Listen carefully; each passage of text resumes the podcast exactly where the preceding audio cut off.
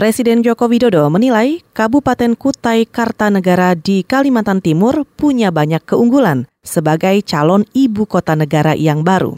Kabupaten ini diapit dua kota, yaitu Balikpapan dan Samarinda, dengan infrastruktur yang sudah cukup lengkap. Presiden mengatakan hal itu usai meninjau Kalimantan Timur yang merupakan salah satu kandidat lokasi pemindahan ibu kota dari Jakarta. Semuanya akan dicek, dilihat, dikalkulasi, dihitung oleh tim. Saya hanya melihat lapangannya, kemudian biar ada feeling gitu, nah, nanti dalam memutuskan itu bisa tidak salah.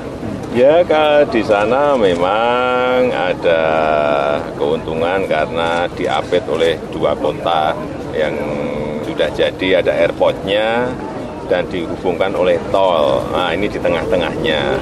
Jokowi juga menambahkan fasilitas infrastruktur penunjang Kutai Kartanegara seperti jalan tol Balikpapan Samarinda dan bandara di kedua kota yang mengapitnya bisa menghemat biaya pembangunan. Apalagi pemerintah Kalimantan Timur juga sudah menyiapkan lahan seluas 5.000 hektar ke sekitar jalur tol Balikpapan Samarinda dan berdekatan juga dengan pelabuhan laut.